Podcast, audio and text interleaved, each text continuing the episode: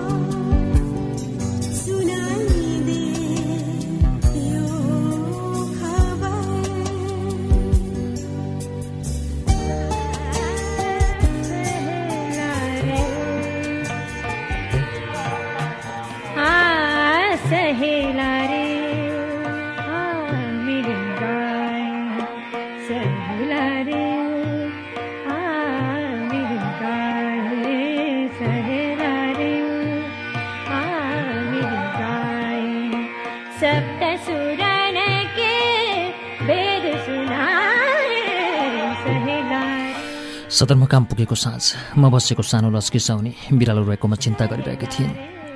बिरालो कान्छी छोरी जस्तै माथिल्लो कोठामा पसेर बिलाप गरिरहेको थियो। तल साउनी अलक्षण लागेको सङ्केतले शिर उँधो गर्दै बाटातिर हेरिरहेकी थिइन्। मैले नमस्ते गरेको उनले सुनिनन्। सानो छोराले दुई हात जोडेर मलाई भित्र पसायो। बिरालो रोइरहेको कोठा छेउको ढोकाको साँचो दिएर ऊ तल झऱ्यो। छिट्टै भात खान झर्नुहोस् है। उसले भर्याङबाट टाउको मात्र देखाउँदै भन्यो कर्फ्यू लाग्छ।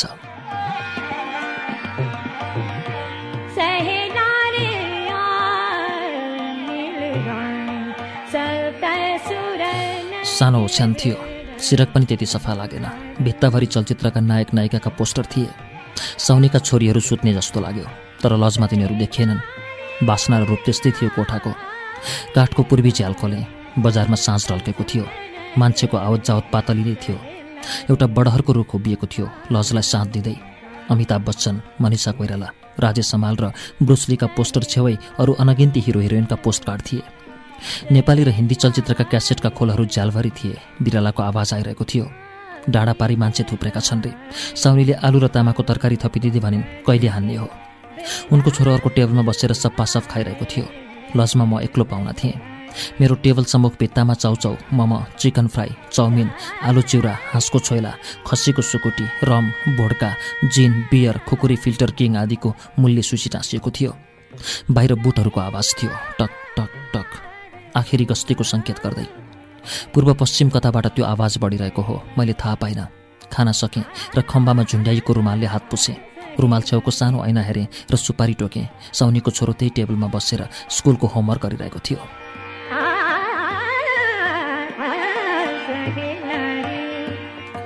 आज यी बुटहरूको पनि लक्षण राम्रो छैन। साउनीले भनिन् तपाईँ किन आत्तिनु भएको मैले सोधेँ। केही दिनदेखि नौला मान्छेहरूको हिँडुल बढेको छ। उनले भनिन् हा केही हुँदैन भनेर म तला उक्लिएँ। उनले ढोकाको चुकुल र गजबार लगाइन्। माथि कोठामा उक्लिँदा एउटा बिरालो लुसुक्क कतै हरायो। त्यो तर्केपछि म कोठामा बसेँ। मनिषा कोइराला मुसुक्क हाँसी। ब्रिजेस अफ मेडिसिन काउन्टी निकाले र आनन्दले सिरानी दुब्बर पारेर पाना पल्टाउन थालेँ। फिल्म हेर्नुभन्दा पहिला किताब पढेको भए यो उपन्यासको स्वाद बेग्लै हुने रहेछ। रबर्टका रूपमा खाली क्लिन्ट स्टुडकै अनुहार आउँछ। उसैले बोले जस्तो लाग्छ। प्रेममा मान्छे नयाँ हुन्छ। हरेक नयाँ प्रेममा ऊ बेग्लै हुन्छ। नभए यो बुढो अभिनेताले आफ्नो प्रेमको उद्गार कसरी यस्तो सक्कली रूपमा दिन सक्थ्यो होला? तर उसको प्रेम परिपक्व छ। मैले फिल्म नहेरेको भए उसको अनुहारको अर्कै कल्पना गर्न सक्थेँ। धेरै जिज्ञासा हुन्थ्यो। सीमा कोरिदिएको छ र लाग्छ। रबर्ट भनेको क्लिन्ट स्टोर नै हो अनि उसैका लागि यो उपन्यास लेखिएको हो।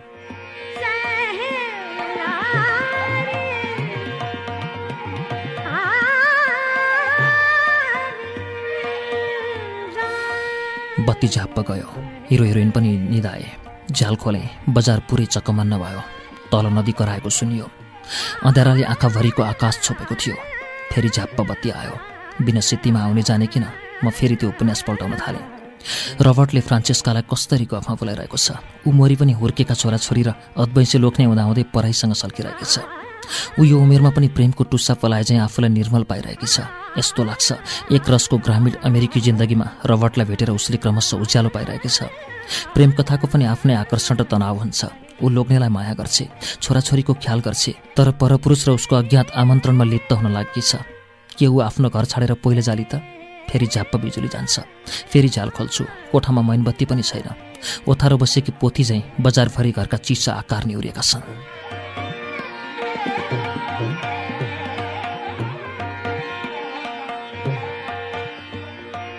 आज लक्षण पटक्कै राम्रो छैन। साउनी टाढा कुनै कोठाको ढोका खोल्दै फतफत गरेको सुन्छु। टेलिफोन पनि काटियो। छिमेकी घरको बार्दलीबाट कोही बोल्छ। सलाई कुर्छु। कोठा एक निमेषलाई झर्र बल्छ। हिरोहरू पूर्ववत पोज दिइरहेका छन्। वातावरणमा विश्वास जगाउन। उता साउनी मकैको ढेँडो पाक्न लागे चाहिँ फतफताइरहेकी छन्। सलाइको काँटी झ्याल हुर्याउँछु। एकै झेलकारे खरघारी सल्के चाहिँ डडेलो लागेको देख्छु। झ्यार्र निप्छ तिनखेरै। टिनको छानामा असिना वर्षे चाहिँ आवाज बर्र खस्छ। जताततै आक्रमण सुरु भएछ। नदीपारी पनि त्यस्तै डढेलो देखिन्छ उत्निखेर निप्छ। त्यता पनि आवाज त्यस्तै चर्केको होला। नदीको गडगडाहाटमा मिसिन्छ। हत्तपत्त झ्याल बन्द गर्छु। ज्वार र दालमा तातो घिउ हाले चाहिँ आवाज आउँछ तत्काल बिलाउँछ गड्याङ गुडुङ चल्छ मेघ गर्जे चाहिँ अनि भुइँचालो आए चाहिँ घर थर्किन्छ। अघि नै बिलाएको बिरालो एक्कासी रुन थाल्छ र रुँदै यताउता चाहेको सुनिन्छ। साउनी हडबडाउँदै आफल विफल हुँदै कराउँछिन्। उनको छोरो आमा हो भन्दै चिच्याउँछ अर्को कोठामा। खाट बेसरी हल्लिन्छ। च्याप्प समातेर म थाम्न खोज्छु। झ्यालको कापबाट एक चिरपटो उज्यालो पस्छ र त्यस्तै आवाज आउँछ। खाट झन्झन हल्लिन्छ। माइकिङ सुरु हुन्छ। हतियार बिसाउन आह्वान गर्दै तर गड्याङ गुडुङ रोकिँदैन। हामीले सदरमुकाम कब्जा गरेका छौँ। माइक सुनिन्छ तुरन्त हतियार बुझाउ र आत्मसमर्पण गर। एकछिन सन्नाटा व्याप्त हुन्छ। बाहिरको बिरुवा रुँदै हिँडेको सुन्छु। साउनी र छोरो दुवै कुवा कुवा गर्न थाल्छन्। बाबा हो बाबा हो। फेरि गोला बारुद सुरु हुन्छ। पहिरो खसे जस्तो लाग्छ। पछाडि कतै घरहरू खर्ल्याम खुर्लुम भत्के जस्तो हुन्छ। घर घरै मानिसको चितकार हात्तै बढ्छ। उस्तै उज्यालो उस्तै आवाज अनि एक सेकेन्ड उस्तै सन्नाटा। फेरि चिच्याहाट फेरि माइकिङ फेरि गोला बारुद पछाडि कतै अर्को पहिरो गए जस्तो लाग्छ। गर्ल्याम्ब गर्छ। ढुङ्गै ढुङ्गा पहिरिए जस्तो। खाटो उत्तिकै हलिरहेको छ र म थाम्न ढल्किरहेको छु। बाबा हो बाबा हो चित्कार बढिरहेको छ। शरीरभरि पसिना सलल्ल बग्छ। घरि दुवै कान थुन्छु घरि दुवै हातले खाट अँठ्याउँछु।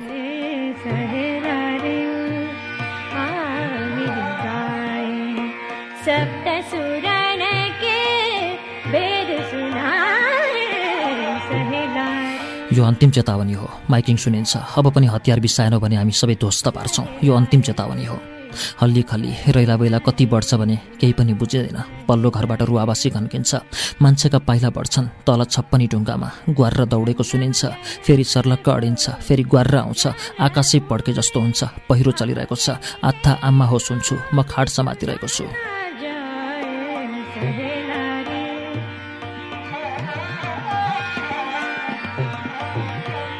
ए हान हान अनि यता बिरालो रोइरहेको सुन्छु। कतै भर्खर बच्चा जन्मे जस्तो आवाज कतै सुत्केरी बेथाले छटपटाइरहेकी महिलाको जस्तो आवाज कतै शङ्ख फुके जस्तो आवाज कतै राम नाम सत्य हो जस्तो आवाज कतै बेहुली रोइरहेको जस्तो आवाज कतै गोली लागेको चराको आवाज मथिङ्गलभरि भुनभुन भुनभुन आरिङ्गाल झुम्मी जस्तो हुन्छ।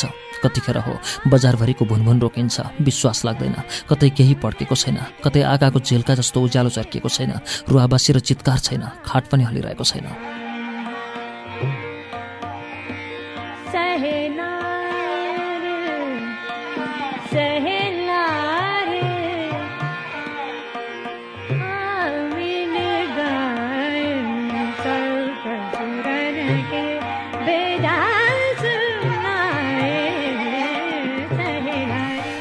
भाले भासेको छैन तर उज्यालो भइसकेको छ।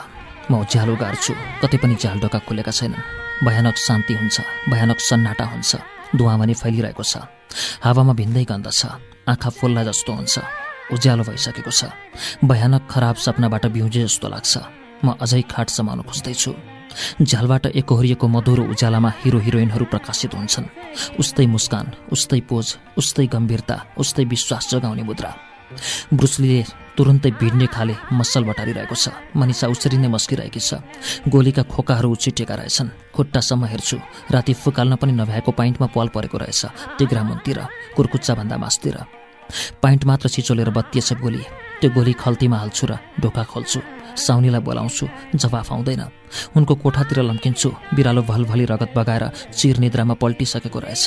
साउनीको कोठा बाहिर उभिन्छु काम ज्वरो आएर कोही बरबराइरहेको सुन्छु।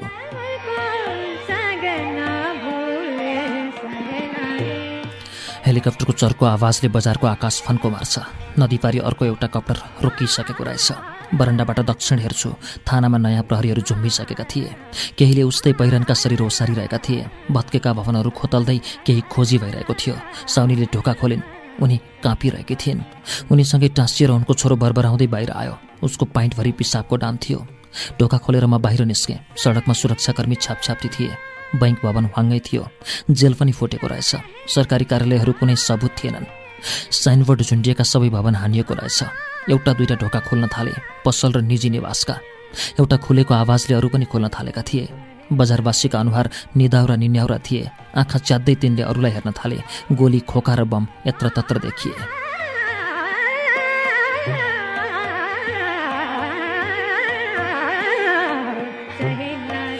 कसैले मलाई अलग्ग हिँड भन्यो। मैले उतिर फर्केर हेर्न पनि सकिनँ। सकियो सकियो कसैले बोलेको सुने। म त रातभरि खाटमुनि लुकिरहेँ। एक भद्र ब्याङ्कका म्यानेजरसँग भनिरहेका थिए। म्यानेजर भने थाप्लामा हात राखेर झोक्राइरहेका थिए। ब्याङ्क पुरै लुटिएको थियो। कानमा गन ताकेर साँचो माग्यो। म्यानेजर भन्दै थिए त्यस्तो बेला म के गर्न सक्थेँ? यो काठमाडौँको समस्या हो। ती सज्जनले म्यानेजरलाई फकाउन खोजे। तपाईँ हामी काठमाडौँले सुल्झाउन नसकेको समस्या सामना गरिरहेका छौँ। जेलर हस्याङ फस्याङ गर्दै प्रमुख जिल्ला अधिकारीतिर दौडिरहेका थिए। तिनजना कैदी फर्केर आए दुईजना जानै मानेनन्। दौडिँदा दौडिँदै उनी फतफताउँदै थिए बाँकी सबै लगे तिनीहरूले।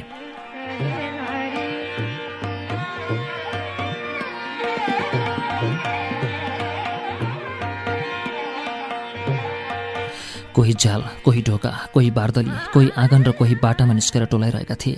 जति बोलाए पनि बोल्न नमान्ने ढुङ्गाको मूर्ति भएको मन्दिर थियो छेउमा। यो बिहान कोही पनि मन्दिर आइरहेको थिएन। भक्तहरू थिएनन् कतै। घन्टीहरू पनि बजेनन्। अगरबत्तीको धुप चलेन। वातावरणमा बारुदको नमिठो गन्ध थियो। मैले भगवान्को अनुहार हेरेँ। कलाकारको सिप मान्नुपर्छ। कस्तो शालीन कस्तो भद्र कस्तो गहनता कस्तो रहस्यमय मुद्रा। भगवान्ले मलाई रोके हेरिरहे। म निस्किसकेपछि पनि उनी म उभिएको ढोका हेरिरहेका होलान्। म पनि कलाकार हुँ। मेरा कृतिले पनि देशको यो चाल चुपचाप हेरिरहेका होलान्।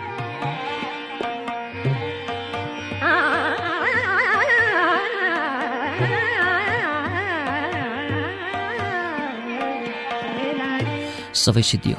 एउटी महिलाको सुस्केर सुने एउटा हेलिकप्टर उड्यो। अर्को आएर अलग्ग त्यही झोलुङ्गे पुल पारी चौरमा बस्यो। हेलिकप्टरहरू उड्न थालेपछि चराहरू देखिएनन्। मान्छेहरू झुरुप्प बस्न थालेका थिए। एकअर्काका कथा सुन्दै। म आफ्नो लज फर्केँ बडहरूको रुखका हाँगा त छारिएछन्। त्यसका ठुल्ठुला पात पनि खसालिएछन्। छेउको दुबो हेरे पुरै मडारिएछ। फुलको बगैँचा पनि। अलि पर केही प्रहरी धसारिएको पोसाकमा दाउराको भारी झैँ भित्तामा अडिसिँदै विश्राम गरिरहेका थिए। उनीहरूको छेउबाट एक लस्कर लास ओसारिएको थियो। तिनीहरू टाँसिएको पर्खाल पनि छतविच्छेद थियो। एउटाले गोडा पसार्न खोज्दा एउटा खोका भेट्यो। चिसो पस्यो उसको मनमा तर ऊ ठाउँ सर्न झिजो माने झैँ त्यसै त्यहीँ लपेटियो। उसका साथमा बायाँपट्टि उसका दुई सहकर्मी इन्तु न चिन्तु लडिरहेका थिए भुइँमा मुन्टो जोतेर रातभरि धोकेर नालामा पछारिएको जड्या झैँ।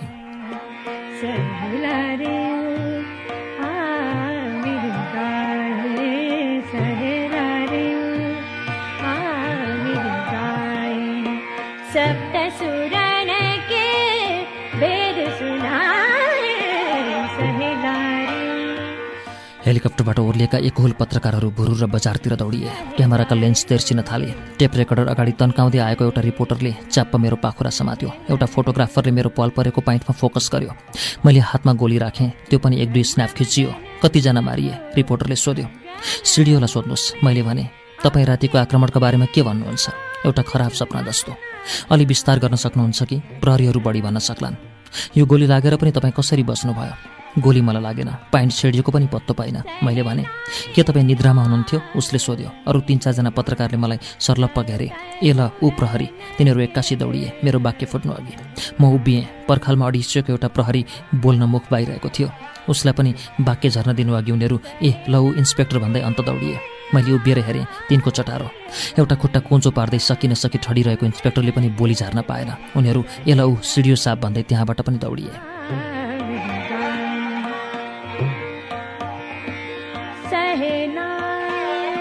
साउनीले भनिन् तपाईँको हिसाब नगर्ने। किन? मैले सोधेँ तपाईँ आज पनि बस्नुहोस्। बरु हामी पैसा लिँदैनौँ। उनले भनिन् होइन मलाई जानु छ। मैले भने मलाई सुनेर साउनीको छोरो रुन थाल्यो। ऊ मेरो त्यही पल परेको साइडतिर पाइन्ट समातिरहेको थियो। फेरि आक्रमण होला हेलिकप्टर आउँछन् जान्छन्। तपाईँ बसी हामीलाई सास फेर्ने साथ हुन्छ। उनले भनिन् उनको छोरालाई हेरेँ। ऊ मेरो मुख हेर्दै रोइरहेको थियो।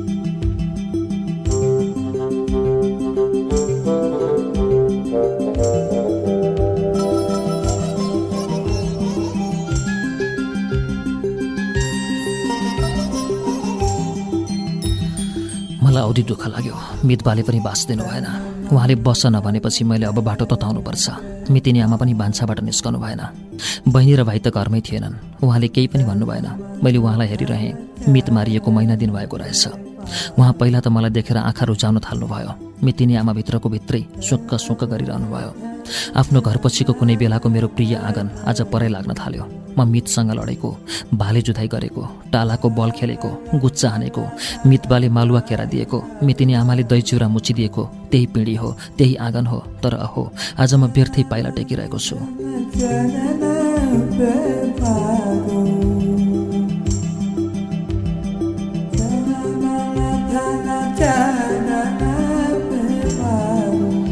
तिमीलाई देखेपछि छोराको झल्को आउँछ। मितबाले अन्त्य हेरिकन रुन्चे स्वरमा भन्नुभयो त्यसको सन्देश जाउ नबस्छ भन्ने हो।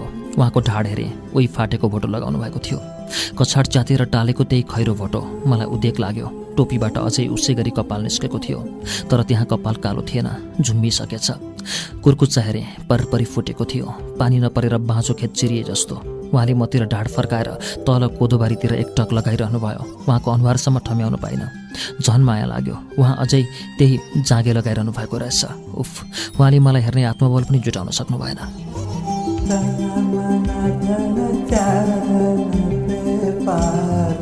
मितबा मैले फेरि बोलाएँ। म छु नि तपाईँको छोरा। आखिर तिमी पनि अर्कैको छोरा हो। भित्रबाट मितिनी आमाले च्वास्छ भन्नुभयो। मलाई छातीमा सियो रोपे जस्तो भयो। त्यसरी उहाँले मलाई परेको ठान्नु। ल बा म खप्न सक्दिनँ। उहाँले त्यसरी मलाई कहिल्यै नुनचोक छर्किनु भएको थिएन। आफ्नो छोरालाई भन्दा साखै गर्नुहुन्थ्यो। मैले कहिले यस घरमा अर्काको छोराको अनुभव गर्नु परेको थिएन। उहाँ रेशमलाई भन्दा बढी मलाई माया गर्नुहुन्थ्यो। बाहुनको छोरालाई गुलियो मनपर्छ भनेर दुधमा पनि सखर घोलिदिनुहुन्थ्यो।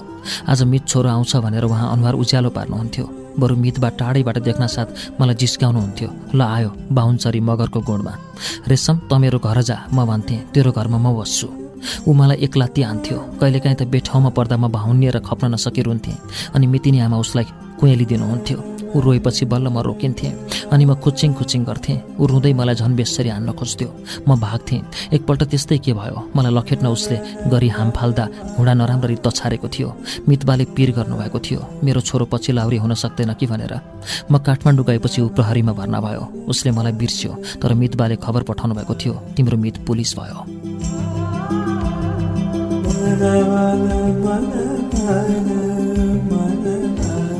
एक काँठा रेशम मलाई हप्काउनु पर्दा भन्थ्यो। म रिसाउँथेँ। मलाई हेप्यो भनेर। म मितिनी आमासँग गुनासो गर्थेँ। उहाँ उसको गाला रन्काइदिनुहुन्थ्यो। ओइ लेखुरे बाहुन ऊ फेरि आफ्नै आमाको पिटाइको जवाफमा मलाई बोलीले पिट्न खोज्थ्यो। मैले पोल लगाइदिने भएकाले आमाको चड्कन खानुपर्छ भन्ने उसको सदाको पिरलो थियो। म उसको तिग्रामा हान्न त खोज्थेँ तर ढुङ्गामा टाउको ठोक्न खोजे जस्तो हुन्थ्यो। उसका तिग्रा र पाखुरा बटारिएका थिए बलियो लहरा जस्तो। म केही गरे पनि उसलाई जित्न सक्थिनँ। एकपल्ट म बोलचाल बन्द गरेर उसको घरै जान छोडेको थिएँ। भोटोमा छाताको बिँड अड्याएर खुत्रुक खुत्रुक मितबा हाम्रो घरमा ओर्लिनु भयो र मलाई सोध्नुभयो किन नआएको? भनेर। माइत बसेको श्रीमती फकाउन आएको लोग्ने जस्तो। केरा पाकेको छ दही पनि मजाले जमेको छ मितिनी आमा सुर्ता गरिराखेकी छ खै मित छोरो आएन भनेर उहाँ भन्नुहुन्थ्यो। जान्न के म ठुस्किन्थेँ आफ्नै घर फर्किन मन नलागे जस्तो वा स्कुल नजान ढिट गरे जस्तो वा गाई चराउन जान्न भने जस्तो। मामा गरेर बसेको छोरो लिन आएका बाबु जस्तै उहाँ मलाई कर्कर गर्नुहुन्थ्यो। उहाँ कति अड्डी कस्नुहुन्थ्यो भने म उहाँको टोपी चिचोल्ने कपाल समातेर रिङ्गाउन थाल्थेँ। जब आफमा उहाँ मलाई तिग्रामा चिमट्नुहुन्थ्यो र म रुन खोजेँ भने अया ए बारुलाले चिलेछ भनेर उम्किन खोज्नुहुन्थ्यो।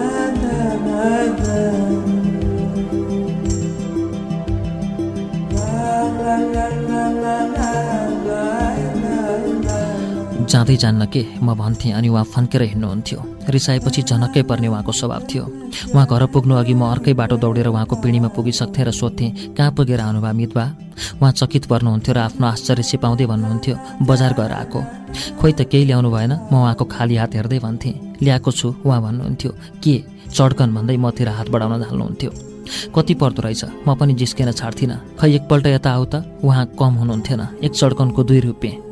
अलि हुर्केपछि भने हामी मित तँ तँबाट तिमी तिमीमा सरेका थियौँ। मितहरू झगडा गर्नुहुन्न मिल्नुपर्छ भनेर सिकाएपछि हामी बिच अर्कै सम्बन्ध बसेको थियो।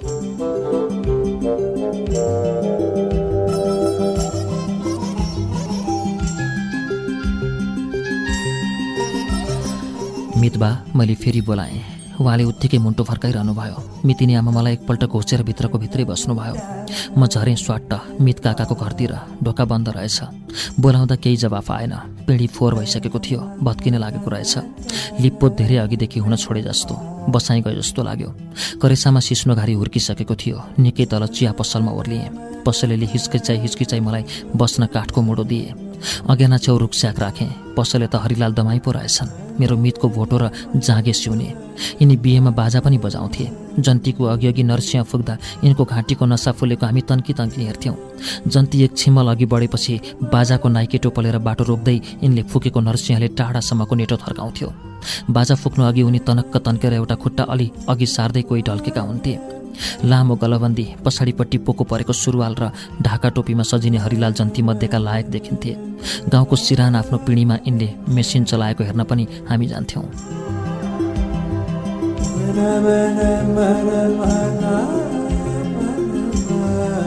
तपाईँको मित भएको पनि बिजोग भयो। उनले भने मैले केही प्रतिक्रिया जनाइन।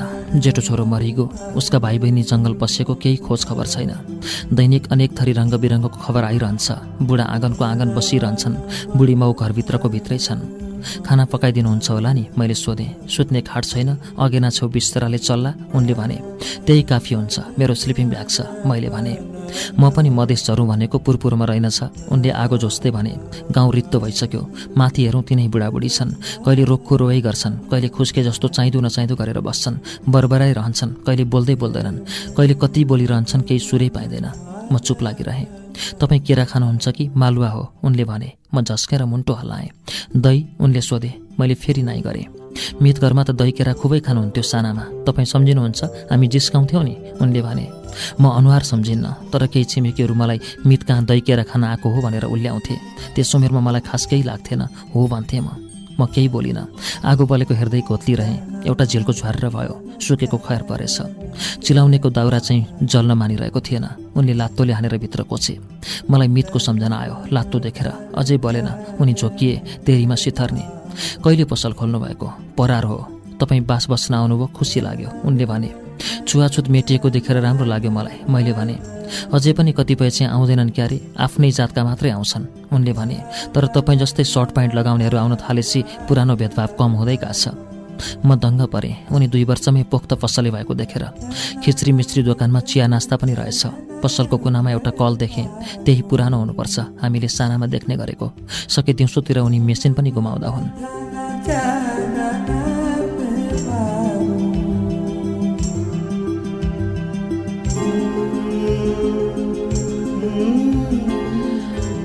चन्दा दिनुपर्छ होला नि मैले सोधेँ। ट्याक्स लिन्छन्। यो के भन्छ नि जनसरकार उठाउँदै आउँछ उनले भने।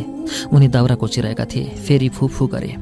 बुढालाई देखेर टिट लाग्छ कहिले आउँछन्? सलाइदिए भन्दै। सलाइदियो एक घरमै छ भनेर फर्किन्छन्। उनले भने मैले उनको अनुहार हेरेँ फेरि फुफु गर्दै उनले थपे। कहिले आउँछन् ढिके नुन छ भन्दै। छ भन्यो त्यस नबोली फर्किन्छन्। मैले पनि फुफु गरेँ तागत सिद्धिएछ। उनले एउटा अगुल्टो तानेर फिल्टर नभएको सानो ठुटो चुरोट सल्काए। बाहिर कसैको कल्याङ मल्याङ सुनियो। सदरमुकामदेखि एक नेटो यताका गाउँले रहेछन्। हटबडाउँदै हिँडेका। पसलेलाई बाहिर बोलाए। उनीहरू सोध्दै थिए एकजना मान्छे हिजो यता बास बसेको थियो। पसलेले सोधे किन र? भन न बास बसेको थियो कि थिएन? थिएन उनले भने। राति कोही हिँडेको सुन्यौ? सुनिन। कोही हिँडेन जस्तो लाग्छ। अचेल निद्रा पातलो छ। कुकुर हिँडे पनि झस्केर बिउजन्छु। मान्छे हिँडे त थाहा हुन्थ्यो होला नि? उनले भने। पक्का हो। के ढाँटौँ? किन के भएर उनले भने मासी थोर्ने एकजनाले भन्यो अस्ति जेल फोर्दा भागेका कैदीमध्ये एउटा मूर्तिचोर पनि परेछ हँ? त्यस्ताले त भोलिपल्ट राति बजार फर्केछ। ए अनि? बजारको भगवान्को मूर्ति उप्काएर लगेछ। ज्या है पसलेले चुकचुक गरे। बोराले छोपेर भारी बोकाइ वरि यही बाटो लगेका छन् रे। अर्को चाहिँले भन्यो ऊ आफू भने ठिम ठिम्ती हिँड्दैछ अरे कसैलाई भरिया बनाएर। ओहो त्यो त शिवजीको पुरानो मूर्ति होइन अनि त्यही चोर होइन पहिला चोरेर पक्राउ खाएको उनले सोध्यो। ल यता पुँडो कान ठाडा पारेर बस है भनेर तिनीहरू हिँडे। कता गए मैले मेसो पाइनँ। अघि न हुप हुप्ती धन्किसकेको थियो उनी फर्के। भन्दै थिए चोरलाई चोर्नकै धन्दा म चुपै रहेँ।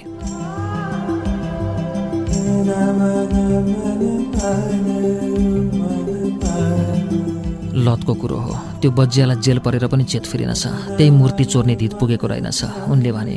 उनले कोदाको पिठो झिके। सानो कसोडीमा पानी उम्लेपछि पिठो हेरिए आलु काट्न लागे। पिँडालुका डल्ला डल्ली निकाले। तपाईँ केही बोल्नुहुन्न। फतफत गर्दै ढिँडोभन्दा मै छिटो पाकौँला। उनले भने म भित्रभित्रै हुस्सिनिएको छु। मैले भने मितबालाई सम्झेर? बुढा कहाँ बस्न पनि मन लागेन? उनले सोधे अह। मैले भने नबसेकै जाति बेसुरा भइसकेका छन्। के बोल्छन् ठेगानै छैन। के गर्छन् टुङ्गै छैन। गाउँमा टेको पनि कोही भएन। तल्लो डिहीमा एक घर त्यस्तै बुढाबुढी छन्। तपाईँको मितबा भन्दा पनि टिट लाग्दा।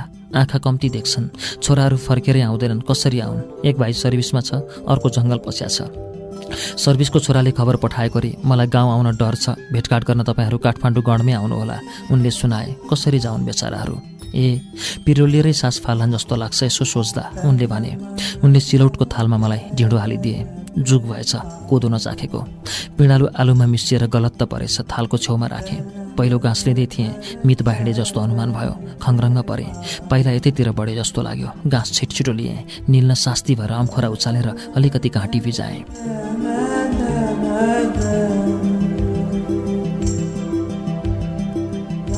ए ठुले मितबाको ठुलो आवाज आइहाल्यो। हजुर भन्दै पसलले निस्के बाहिर। म ढिँडो मुस्दै अडिएँ सास पनि रोक्न खोज्दै। मेरो मित छोरो देखिस्? खै देखिन त उनले ढाँटे। मलाई झट्ट बोल्न आएन। नढाँटाइ बजिया यतै झरेको हुनुपर्छ। तेरो आँखा के बाँदरले कोतरेको थियो। उहाँले हप्काउनु भयो। होइन धरोधर्म आँखा चोखै छन् ल हेर्नुहोस् त। उनले आफ्नो ढाँटलाई मलजल गरे। तँलाई मैले चिनिया छैन ए बजिया मितबाले झन् ठुलो स्वर गर्नुभयो। गाममा बिरालो हिँडेको त चाल पाउँछस् को पहिला गो भनेर चियो चर्चो गरेर बस्छस्? तँलाई थाहा हुँदैन? तपाईँलाई किन ढाँट्नु भा? पसलेले नकचरो पारे। बरु एउटा छाया यसो लसक्क बाटो लागे जस्तो त भएको थियो। अघि नै हो त्यो त। नेटो काटिसक्यो होला। तपाईँको मित छोरो म चिन्दिनँ?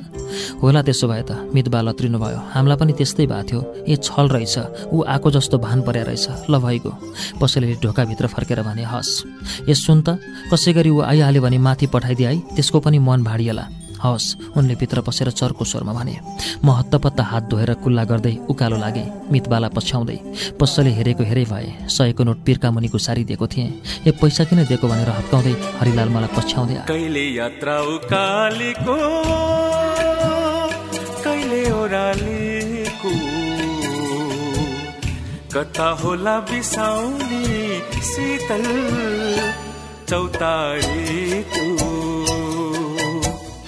कता होला बिसाउने शीतल चौतारी तू? कहिले यात्रा उकालीको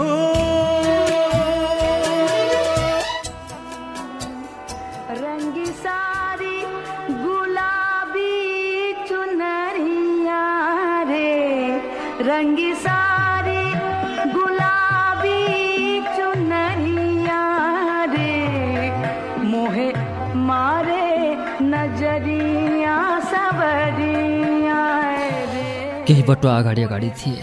म एक्लै आफ्नो धुनमा थिएँ। एउटी बालिका बाटा छेउ बसिरहेकी रहेछ। फ्रकमा टाँसिएका काँडा निकालिरहेकी। म हिँडिरहेको थिएँ। ऊ आफै जान्ने टोपलेर मलाई रोकी। साथीहरू अघि गइसके तिमी किन ढिलो? उसले सोधी। पहिलो भेटमै त्यो पनि आफ्नो बाबुको उमेरको एउटा अपरिचितलाई तिमी लगाएकामा म चुक्क हाँसेँ। ऊ त गम्भीरता साथ मेरो जवाफ खोजिरहेको रहेछ। काँडा पनि टिप्न छाडेर। तिमीले च्याप्प समातिदिनु पर्थेन त? मैले जिस्काएँ। म यत्री सानीले त्यत्रा मान्छेलाई समाउन सक्छु त बुढा? उसले बुढा भनेको सुनेर म तिन छक परेँ। फिस्सा हाँसेँ ऊ ढुङ्गामा बसेर फेरि निहुरिन थाली। फ्रकभरि नबिजाउने काँडै काँडा उल्झेछन्। म उसको ठिक्क अगाडि टुक्रुक्क बसेर अनुहार ट्वाल्ल हेरेँ। के हेरेको? उसले नहाँसी सोधी। तिमी कस्ती रहेछौ भनेर हेरेको। कस्ती रहेछु त स्याउ जस्तो। मान्छे पनि कहीँ स्याउ जस्तो हुन्छ त बुढा? उसले भनी। त्यस्तै राम्रो भनेको क्या? स्याउ पनि कहीँ राम्रो हुन्छ त? उसले भनी। जे पायो त्यही। म झसङ्ग भएँ जे पायो त्यही सुनेर। पल्पसालाई सम्झेँ। उसकै थिएको कस्तो ठ्याम्मै उस्तै भाकामा यस फुच्चीले मलाई पल्पसा सम्झाइदिए। म झन् रोमाञ्चित भएँ। ए हो त नि अघि। स्याउ त मिठो पो हुन्छ मैले भने। मेरो नाकबाट सिँगान आउँछ उसले भने। म मरिमरि हाँसेँ तर मनमा नै। उसलाई बिथोल्नु भएन। सानो धोबिनी चरा जस्ती बालिका फ्रकबाट काँडा झिक्न खोजिरहेकी छ र मलाई अल्मलाइरहेकी छ। म उसको फ्रक सुस्तरी छाम्छु। उसको औँला चुलबुल चुलबुल गर्छन्। काँडा कसरी लाग्यो नि? पिसा फेर्न गयो कि झाडीमा रहेछ। उसले भने ए कस्तो नजाति काँडा रहेछ। भुसुकै चल्क्यो। उसले गुनासो गरी तिमीले त कटु नै लगाएकी छैनौ जस्तो छ। झ्याउ लाग्छ। किन? पिसाब च्याप्यो भने फुकाल्नै भ्याउँदिन? उसले भने मैले हाँसो रोक्नै सकिनँ। किन हाँसेको? उसले हप्काए जस्तो गरी बरु यहाँ काँडा टिप्देऊ न। मैले हात यसो बढाएँ एउटा टिपी झैँ गरेँ। सुटुक्क उसलाई हेरेँ। ऊ गहिरिएर काँडा झिकिरहेकी थिए। मलाई हेर्दा पनि नहेरी।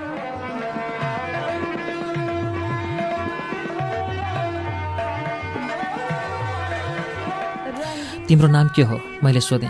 नानु उसले भनी तर मेरो नाम मागिन। राम्रो नाम रहेछ। नाम पनि कहीँ राम्रो हुन्छ। कस्तो जेब पायो त्यही? उसले फेरि भने ए हो त नि अघि। फुल पो राम्रो हुन्छ। मैले भने हो। उसले भने तिमी फुलभन्दा राम्री छेउ कहीँ नपार होस् उसले फ्याट्ट मलाई फेरि पल्पसा सम्झाइदिए। साँच्चै भनेको तिमी लाली गुराँसभन्दा राम्री सयपत्रीभन्दा राम्री मखमलीभन्दा राम्री जुहीभन्दा राम्री। मैले भने मलाई त सयपत्री मनपर्छ। हो तिमी सयपत्रीभन्दा पनि राम्री। हा तिमी त मेरो आमा जस्तै गन्थन गर्दा रहेछौ। उसले मलाई फेरि हप्काई। यहाँ काँडा टिपिदिनु छैन? मैले फेरि औँला बढाएँ। यसो झिक्न खोजेको। त्यो सानो जैरे त दोब्रियो। अर्को झिक्न आँटे त्यो पनि मानेन। तिमीलाई त काँडा झिक्न पनि आउँदैन। मैले अहिलेसम्म झिकेकै छैन। कसले झिकिदिन्छ त? मेरो पाइन्टमा त काँडै लागेको छैन अहिलेसम्म। के तिमी पिसा फेर्न जाँदैनौ? उसले सोधी मेरो मुख हेर्दै। म फेरि भुतुक्क भएँ हाँसो थाम्न सकिनँ। जान्छु तर काँडा बिच्दैन ए तिमी पाइन्ट लाउने भएर होला। उसले भने अनि निउरी म फेरि सानोतिनो विस्फोट भएँ। अरू दुई चारवटा टिपेर उसले मिल्काए। काँडा कस्तो नजाति यस्ता केटाकेटीलाई पनि लाग्ने। मैले भने। काँडाको नि आँखा हुन्छ त बुढा? मान्छेको त हुन्छ नि। हेर्नु पर्दैन? मैले भने। मेरो आँखा सानो छ नि त। तिमी सानो मान्छे भएर म कहाँ सानी छु त भनेर ऊ ढुङ्गामाथि ठिङ्ग उभि म बसिरहेको थिएँ। कुरी कुरी कुरी मैले भने ऊ फ्रक छोपेर लाज माने जस्तो गरी। घ्याम्पे बुढो उसले मलाई चोराउला तेर्साएर सरापी अनि मलाई थप्पड हान्न ढुङ्गाबाट बुद्रुक हाम फाली। म दुई पाइला सरेँ उसले भेटी अनि तिग्रामा लाग्ने गरी ठटाई। मलाई च्वास्स भयो। औँलामा उसले एउटा काँडा पनि च्यापेकी रहेछ सुई लगाए जस्तो भयो।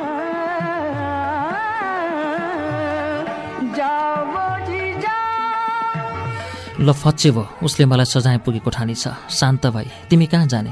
मितिनी कहाँ? उसले भने मलाई चस्सक्क बिज्यो। उसले अर्को काँडा छातीमै घोचे जस्तो भयो। मितिनीलाई के ल्याइदिएकी छौ त? ए केरा उसले अर्को हातमा एउटा सानो कोसो लुकाएकी रहेछ। देखाइ म ट्वाल्ल परेँ तिमी पनि मित कहाँ हिँड्या हो? म त मित घरबाट फर्केको मैले भने के ल्यायौ त? मितबाले एक हात केरा दिनुभएको छ झोलाभित्र राखेको छु मैले भने किन अरूले माग्छन् भनेर? तिमी खान्छौ? नाइ म त दिनको एक कोसा मात्र खान्छु। बिहानै आफ्नो भाग खाइसकेँ। उसले भने आज एउटा थप खाऊ न त। मैले भनेर रुखस्याक झेक्न लागेँ।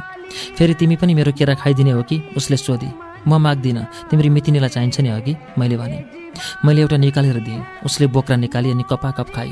गुलियो रहेछ। उसले भने चिनी हालेको छ। हुन्छ बुढा जे पायो त्यही। उसले मलाई हप्काए अनि कसरी गुलियो हुन्छ त? ए हो त नि अघि ऊ दोब्री घारीभित्रै चिनी फिटेर हाल्छ क्या? हुन्छ बुढा। होइन होइन तिमीलाई त्यसै भनिदिएको मैले कान समात्दै भने। अनि गुलियो कसरी पस्छ त उसले सोधी। तिमी स्कुल जानुपर्छ पढ्नुपर्छ धेरै कुरा थाहा हुन्छ मैले भने। तिमीले पढेनौ उसले सोधी। पढेँ। भन्न सकेनौ नि त उसले मलाई लपेटी। कुनै फल गुलियो कुनै अमिलो कुनै टर्रो कुनै बेस्वादको हुन्छ अघि। फेरि गुलियो पनि अनेक थरी हुन्छन्। यो सबै बुझ्न पढ्नुपर्छ क्या मैले भने। हाम्रो त स्कुलै बन्द छ तिम्रो नि उसले भने। हामी हिँडिरहेका थियौँ। ऊ मेरो औँला समात्दै मभन्दा छिटो हिँड्न थाली। अर्को हातमा त उसले केरा लुकाएकी थिए। तिमीलाई थाहा छ म आधै जन्मिएको नि उसले भने। आज? मैले उसलाई हेरेँ। ऊ अघि अघि बढ्न आँट्दै थिएँ। हो आमाले भन्नुभएको म आज जन्मेको अरे उसले भने। अनि तिमी कति वर्ष भयो त? आजदेखि पाँच लाग्यो अरे उसले भने। अनि तिम्रो जन्मदिनमा त मितिनीले पो कोसेली ल्याउनु पर्ने होइन? मितिनीको बारीमा केरै छैन उसले भने। म फेरि हाँसेँ। गड्याममा ठुलो आवाज आयो। म रोकिएँ। के होला? डाँडाबाट ढुङ्गा झर्या होला उसले भने त्यसरी त आवाज आउन नपर्ने। जति तल खस्यो उति आवाज ठुलो हुन्छ भन्ने थाहा छैन उसले सम्झाए। म केही नभोलि हिँडेँ उसले मलाई हेर्दै सोधी तिम्रा साथीहरू कहाँ पुगिसक्यो होलान् है? म त एक्लै हिँडेको। ए मजा भयो। त्यसो भए मेरी मितिनीको घर जाने है? उसले भने टाढा छ कि? आज त्यहीँ बस्ने नि? उसले भने म छक्क परेँ। उसको तालमा पाइला सारिरहेँ। उसको औँला पसिनाले चिप्लो भइरहेको थियो। अर्काको घरमा मैले गाह्रो मान्दै भने म मितबासँग भन्छु नि उसले भने मलाई झन्झन बिच्दै गयो। के भन्छौ? तिमी पनि मसँग आएको भनेर। म को हो भनेर मितबाले सोध्नुभयो भने नि बाटामा भेटेको भन्छु। मान्नु भएन भने तिमीसँग केरा छ नि त्यही देऊ न। उसले भने म फेरि हाँसेँ। हिजो रातभरि मित घरमा आँखा निधाएनन्। बुढाबुढीलाई ढाडस दिँदा दिँदै। फुल्याउँदा फुल्याउँदै बुढाबुढी त केटाकेटी भइसकेका थिए। आफूलाई पनि मन थाम्न सकस भयो। पटक्कै निद्रा लागेन। मितकै खाटमा सुतेँ। झन् आँखा जोड्न सकिनँ।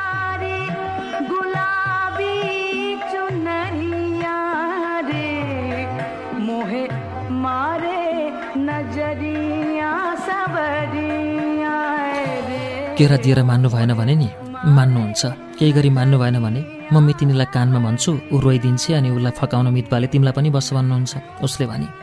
म फेरि मरिमरि हाँसेँ उसले औँलो फेरि चिप्लो भइसकेकाले।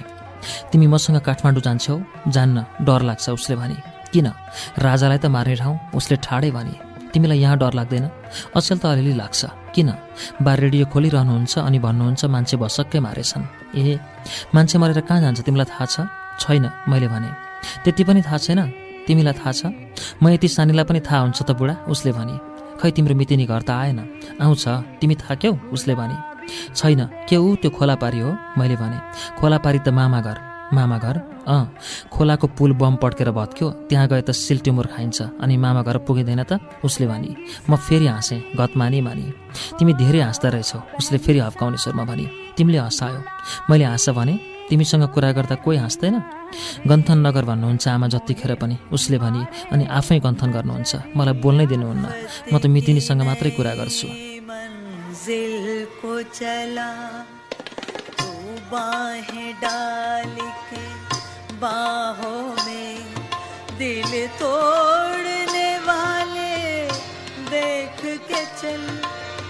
हम भी तो पड़े हैं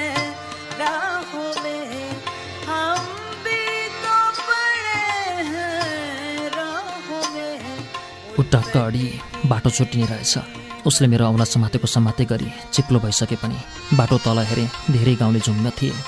एउटा घरको आँगनभरि वरिपरिका घरका आँगन र पिँढीबाट मान्छेहरू तल्लो घर हेरिरहेका थिए। केही घटना भएको हुनुपर्छ। एउटा मान्छे अँध्यारो अनुहार लाउँदै आयो र नानुलाई समात्यो। ऊ नानुलाई फकाउन खोजिरहेको थियो। तिम्री मितिनी रहेन नानु त्यो मान्छे भनिरहेको थियो। अघि खेल्दा खेल्दै बम समाउन पुगिछ। गाउँ नै थर्र हुने गरी पड्क्यो।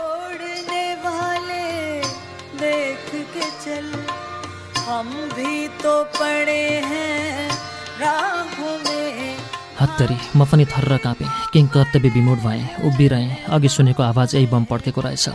नानु मेरो औँला छाडेर दौडेकी थिए त्यही घरतिर। उसले थाहा पनि पाइन अर्को हातको केरा झरेको। चङ्गा हत्तपत्त कसैले ताने झैँ उत्तलतिर बत्ती हावामा चङ्गा बत्तिए झैँ देखियो। चुडिएको चङ्गा सरी बहकिन्छ यो चुडिएको चङ्गा सरी बहकिन्छ यो पुगी चातिने हो बेबारी से जीवन। कहाँ पुगी चातिने हो बेबारी से जीवन। चुडिएको चङ्गा सरी बहकिन्छ यो मन।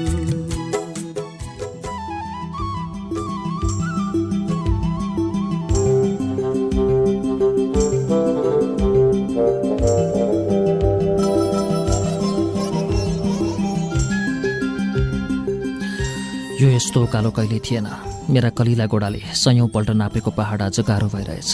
म फेरि उभिन्छु पसिना पुस्छु लामो सास फेर्छु। दुईजना यात्री मलाई हेर्छन् चिया पसल छेउ उनीहरू विश्राम गरिरहेछन् बाटो छुटिनु छ। तर म आज पहिलोपल्ट यस बाटामा बिरानिन्छु अल्मलिएर ती यात्रीका आँखा सिरुपाते बनेर घोषणा आइपुग्छन्। चिया पसलकी बहिनी बुढी भएछन् पछ्यौराको सबकोले अनुहार छोपेकी थिइन्। उनले चिया फिटेको सुने गिलासमा चम्चा टिङ टिङ बज्यो।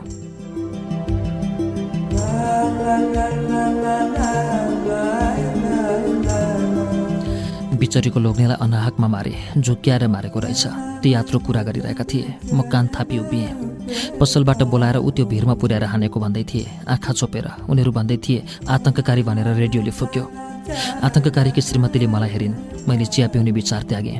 किन किन पाइला अडिन मानेनन्। घाम नलागेको भए हुने। तर यो यस्तो विधि थकाउने पहाड होइन। खासै उकालो पनि छैन। तरपायाँ तरपायाँ छ। नजानिदो उकालो। तर आज म गलिरहेको छु। मलामी बनेर हिँडे जस्तै भइरहेछ। जुत्ता लगाइरहेको छु। तर सिधै तातो ढुङ्गा छोए चाहिँ भइरहेछ। खुइय गर्छु। भरिया चाहिँ हलुङ्गो झोला छ। तर तालिमे सैनिकले ढुङ्गा बोके जस्तो भइरहेछ।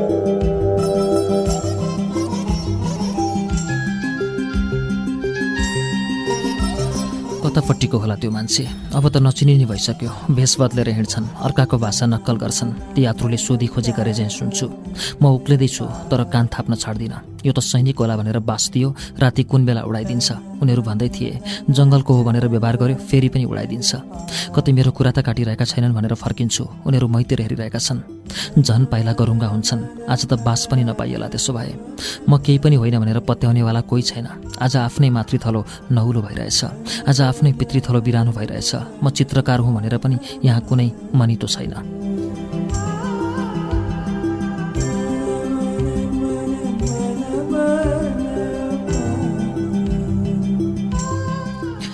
के हुँ? म के हुँ भन्ने प्रश्न मैले के गर्छु भन्ने जवाफसँग जोडिएको छ। म चित्रकार हुँ भन्यो भने कस्तो चित्र बनाउँछु भन्ने जवाफ दिनुपर्छ। म के बनाउँछु त? गहिरिएर सोध्छु म चित्र त बनाउँछु तर त्यसले यो पहाडलाई के दिएको छ भन्ने प्रश्न उठ्न सक्छ। मेरो पेन्टिङले यस पहाडलाई प्रत्यक्ष केही योगदान गर्न सक्दैन। यो सम्भव छैन। त्यसो भए म चित्रकार हुँ भनेर जोगिन सक्ने अवस्था छैन।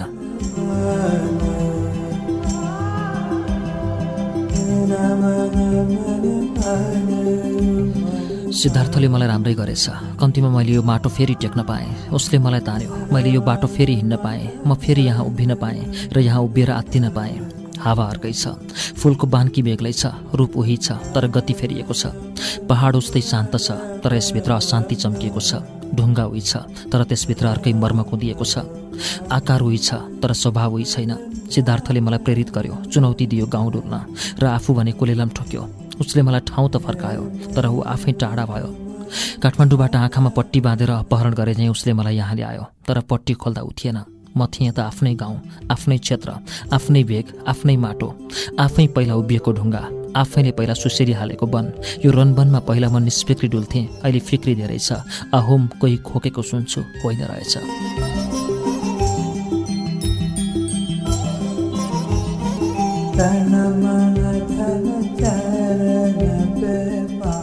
सिद्धार्थले मलाई सोच्न बाध्य पारेको छ। ऊ के चाहन्छ भन्ने मलाई बुझाउन खोजेको छ। शान्त तलाउमा ढुङ्गा हानेको छ उसले। म यिनै तरङ्गहरू हेर्न विवश छु। ढुङ्गा हानेर पेस्तोल बोकी ऊ फरार छ। ऊ कहाँ छ म खोज्न सक्दिनँ। उकालो हिँडिरहेको छु तर ओह्रालो गइरहे जस्तो लाग्छ। म खुट्टा उचाल्छु तर तल हिँड्न खोजे जस्तो लाग्छ। एक पाइला अघि बढाउँछु तर पाइला पछि सरे जस्तो हुन्छु। आत्तिन्छु र फेरि उभिन्छु। माथिबाट एउटा मान्छे आउँछ तर तलबाट आए जस्तो लाग्छ। दक्षिण फर्किएको छु तर हिमाल देखिएका छन्। म आँखा पुस्छु त्यो मान्छे देखेर झस्किन्छु किनभने ऊ म जस्तै छ म जत्रै छ मेरै कपडा लगाएको छ उस्तै रुखच्याक भिरेको छ। रुखच्याकको पिँधमा उसले पनि स्लिपिङ ब्याग बाँधेको छ। मेरो जस्तै केही दिन खौरिन नभ्याएको दारी झुस्स छ। म अडिन्छु ऊ पनि टक्क अडिन्छ। म उसलाई हेर्छु ऊ पनि मैलाई हेरिरहेको छ। म बढ्छु ऊ पनि खुट्टा लम्काउँछ। फेरि रोकिन्छु ऊ पनि रोकिन्छ। हो जे पर्ला पर्ला भनेर पाइला उचाल्छु ऊ मसँग ठोकिन्छ।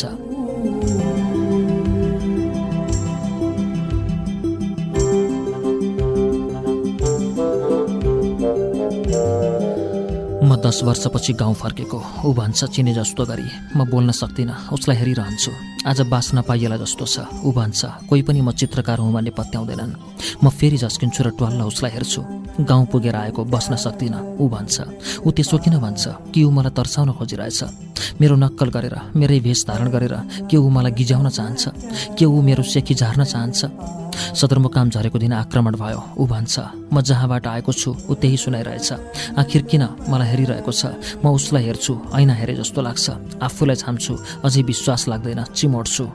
मलाई कस्तो नरमाइलो भयो भने मेरो मित पनि खसेछ। ऊ आफै भन्छ मैले केही सोधेकै छैन। मित बा कहाँ बस्न त बसेँ ऊ मेरो सातो लिँदै भन्छ तर रातभरि निद्रा परेन।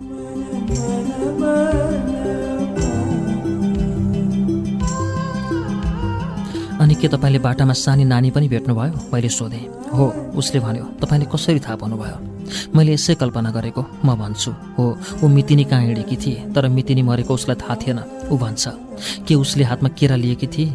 हो तर तपाईँले यो पनि कसरी चाल पाउनुभयो? उसले सोध्यो त्यसै लख काटेको म भन्छु। ऊ हत्तपत्त पेस्तोल निकाल्छ र मतिर तेर्स्याउँछ। म थर्र काम्छु। लभन त को होस्? ऊ तँको भाषामा उत्रेर म माथि एक्कासी जाइ लाग्छ। म उसलाई हेर्छु। ऊ दारा किटिरहेको छ। म चित्रकार हुँ। ढाँट्छस्। ऊ चर्किन्छ। म नाजवाफ बन्छु। ऊ मेरो सिर्नेरी पेस्तोल छुला छुला चाहिँ गर्छ। के फुर्ती लागेको? म बम्किन्छु। यो पेस्तोलमा गोली त छैन। ऊ झस्किन्छ। हो कि क्या हो भन्ठानेर ऊ लत्रिन्छ अनि पेस्तोल खिच्छ। न्वारनदेखिको बलले एक लात दिएर लडाएपछि म उसको हातबाट पेस्तोल लुटेर उकालो लाग्छु अनि माथि पुगेर हेर्छु। ऊ जर्याक जुरुक उठेर मतिर हेरिरहेको छ। माया लाग्छ। बेवकुफ रहेछ।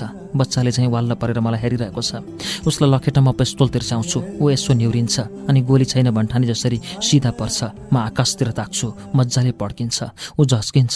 म उसलाई हातको इसाराले बोलाउँछु। ऊ झुक्न खोज्छ। अनि म त्यो हतियार उसले समातोस् भनेर उतिरै हुर्याइदिन्छु। पेस्तोल टिपेर ऊ ओह्रालो लाग्छ।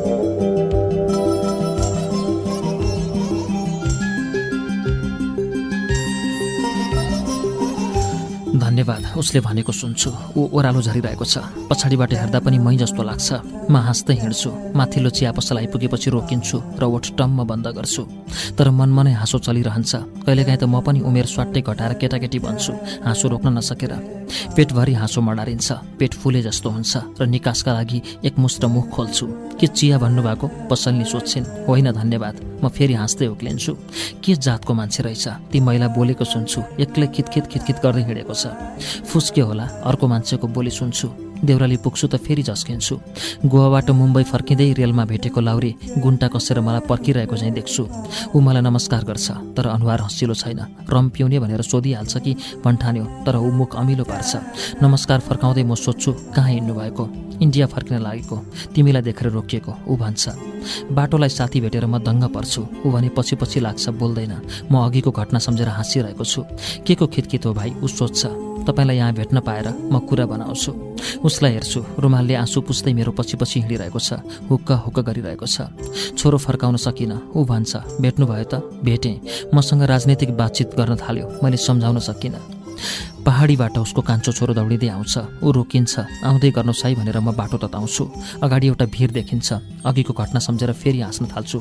कस्तो उल्लु रहेछ त्यो भन्दै पेस्तोल निकाल्छ तर गोली छैन भन्दैमा फस्ल्याङ फुस्लुङ पर्छ। म आफूसँग गर्व गर्छु जुक्ति निकालेकामा। त्यति नगरेको भए सके म बस्ने थिइनँ। अनि फेरि हाँस्छु कस्तरी लात्तो हिन्काएको सम्झेर। ड्याममा पेटैमा लागेछ। रन्थेनियो पाडो झैँ पछारियो। ऊ पछारिएको सम्झेर फेरि हाँस्छु। अनि मैले उसको हातबाट फ्याट्ट पेस्तोल लिएँ। उसले आफैले खुरुक्क दिए जस्तो गर्यो। ठ्याक्कै बच्चा जस्तो। उसको हात कमलो थियो। बच्चाले बाबुलाई चक्लेट दिए जसरी उसले पेस्तोल दियो। म फेरि हाँस्छु। मूर्ख रहेछ। गोली छ कि छैन भन्ने हेक्का पनि नराख्ने जैरीले किन पेस्तोल बेर्नु? त्यस्तो जाबोले फेरि किन पेस्तोल तिर्स्याउनु?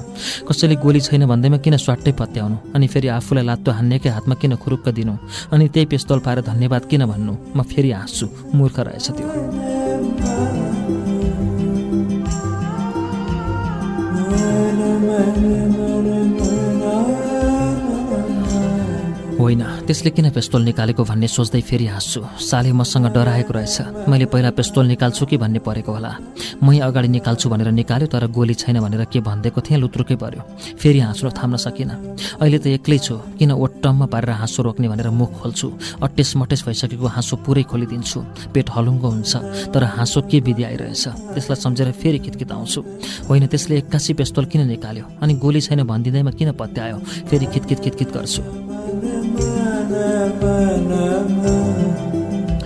ओइ कसैले मलाई गाली गरेको सुन्छु। फर्किन्छु त उसैलाई देख्छु। ऊ त पेस्तोल त्यसरी नै मतिर तिर्स्याउँदै आइरहेको छ। के मलाई सम्झेर हाँसेको? ऊ कडा प्रश्न गर्छ। होइन म लत्रिन्छु। ऊ नजिकै आइपुग्छ।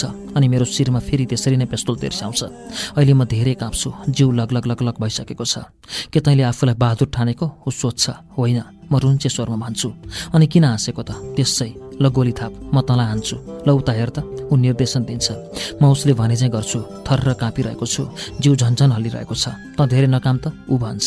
किन र म नम्र भएर सोध्छु निशाना चोक्ला ऊ भन्छ। खितखित आउँछु म काँप्दा उसको निशाना चोक्ला भनेको सुनेर। फेरि किन हाँसिस? अब कहिले हाँस्न पाउन्न? त्यही भएर म भन्छु। ल हाँस ऊ पेस्टोल खिचेर भन्छ एक मिनट तँलाई लास्ट चान्स। मेरो पालो उसलाई फेरि पेटमा लात्तो हान्छु। ऊ त्यसरी नै ढल्छ। म फेरि उसको हातबाट पेस्तोल खिच्छु। ऊ सुटुक्क दिन्छ। केही अगाडि बढेर अघि जसरी नै हावामा ताकेर पड्काउँछु। ऊ झस्केर उठ्छ अनि मलाई हेर्न थाल्छ। म उसै गरी पेस्तोल हुर्याइदिन्छु ऊ फेरि धन्यवाद भनेर ओह्रालो लाग्छ। म फेरि हाँस्दै उकालो कटाउन थाल्छु। फर्केर हेर्छु। माया लाग्छ। ऊ लुरु लुरु हिँडिरहेको छ। त्यस्तो मान्छेले किन पेस्तोल बोक्नु? किन धाक लगाउनु? किन ताक्नु? किन यता फर्किएर उता फर्की भन्नु? काँप्दैमा निशाना चुक्ला भनेर किन डराउनु? अनि हाँस्न भनेर किन अर्कालाई मौका दिनु। फेरि धन्यवाद भनेर किन लुरु लुरु ओह्रालो लाग्नु? म फेरि हाँसो थाम्न सक्दिनँ।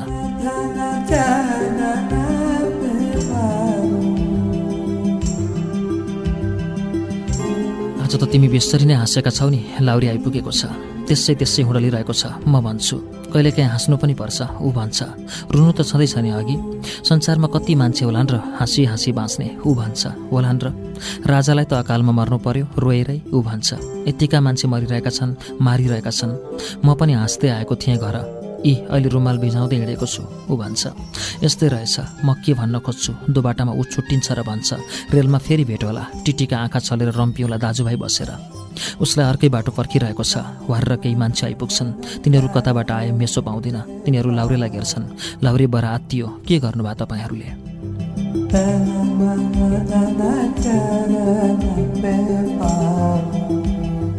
एकजनाले कड्केर भन्यो तपाईँ इन्डिया फर्किन पाउनुहुन्न। हामीसँगै हिँड्नुहोस्। लाउरो अब यतै हो। गोली गट्ठा भिरेर यतै हिँड्ने। आफ्नै देशका लागि मर्ने मर्नु परे लाउरी फुत्किन खोजिरहेको थियो। सकेन। तिनीहरूमध्ये केहीले मलाई बाटो लाग्न हात हल्लाए। म नटेरी उभिएको थिएँ। फेरि हात हल्लाए। तिनीहरू लाउरीलाई फकाइरहेका थिए। तपाईँ युद्धमा अनुभवी भइसक्नु भएको छ। यहीँ तपाईँ एकैचोटि कम्पनी हाँक्न सक्नुहुन्छ। तिनीहरूको आवाजमा मधुरो सुन्दै जान्छु। फेरि एक्लै परेको छु। फेरि आत्तिन्छु। कतै त्यही मान्छे आइपुग्ने हो कि? उसलाई सम्झेर फेरि हाँस्न थाल्छु। अब त के आउला? पेस्तोल बोक्छ गोली छैन भन्दा झुस्किन्छ। कहिले हाँस्ने अवसर दिन्छ त्यसलाई मैले जानेको छु। हिँड्छु। बाटाभरि फेरि खितित्त खितित्त गर्दै अब धेरै उकालो छैन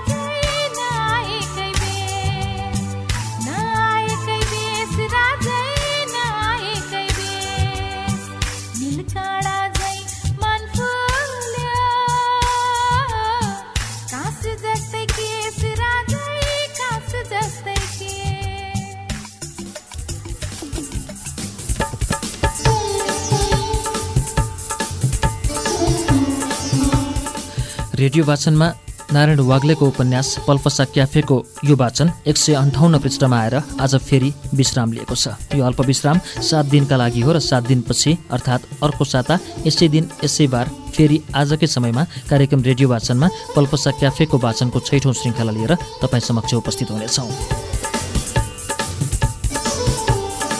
कान्तिपुर दैनिकका सम्पादक नारायण वाग्लेद्वारा लिखित पल्पसा क्याफेको वाचन रेडियो वाचनमा तपाईँलाई कस्तो लाग्दैछ? कृपया प्रतिक्रिया पठाउन नबिर्सनुहोला। हामीलाई तपाईँको सल्लाह सुझाव र प्रतिक्रियाको खाँचो छ। हाम्रो पत्राचार ठेगाना कार्यक्रम रेडियो वाचन HBC ninety four FM post box number आठ नौ सात चार सिपिसी चौरानब्बे काठमाडौँ नेपाल। इमेल गर्न चाहनुहुन्छ भने इमेल ठेगाना रहेको छ GHIMIRE ACHYUT at gmail dot com Ghimire Achyut at gmail dot com हवस् त। अर्को साता नारायण वाग्लेको उपन्यास पल्पसा क्याफेको एक सय उनासाठीौँ पृष्ठदेखिको वाचन तपाईँलाई प्रस्तुत गर्नेछौँ। तबसम्म प्रतीक्षा गर्नुहोला। प्राविधिक साथी अनिल कुमार मण्डर र म प्रस्तुता अच्युत घिमिरे विदा माग्छौँ। आज्ञा दिनुहोस्। नमस्ते।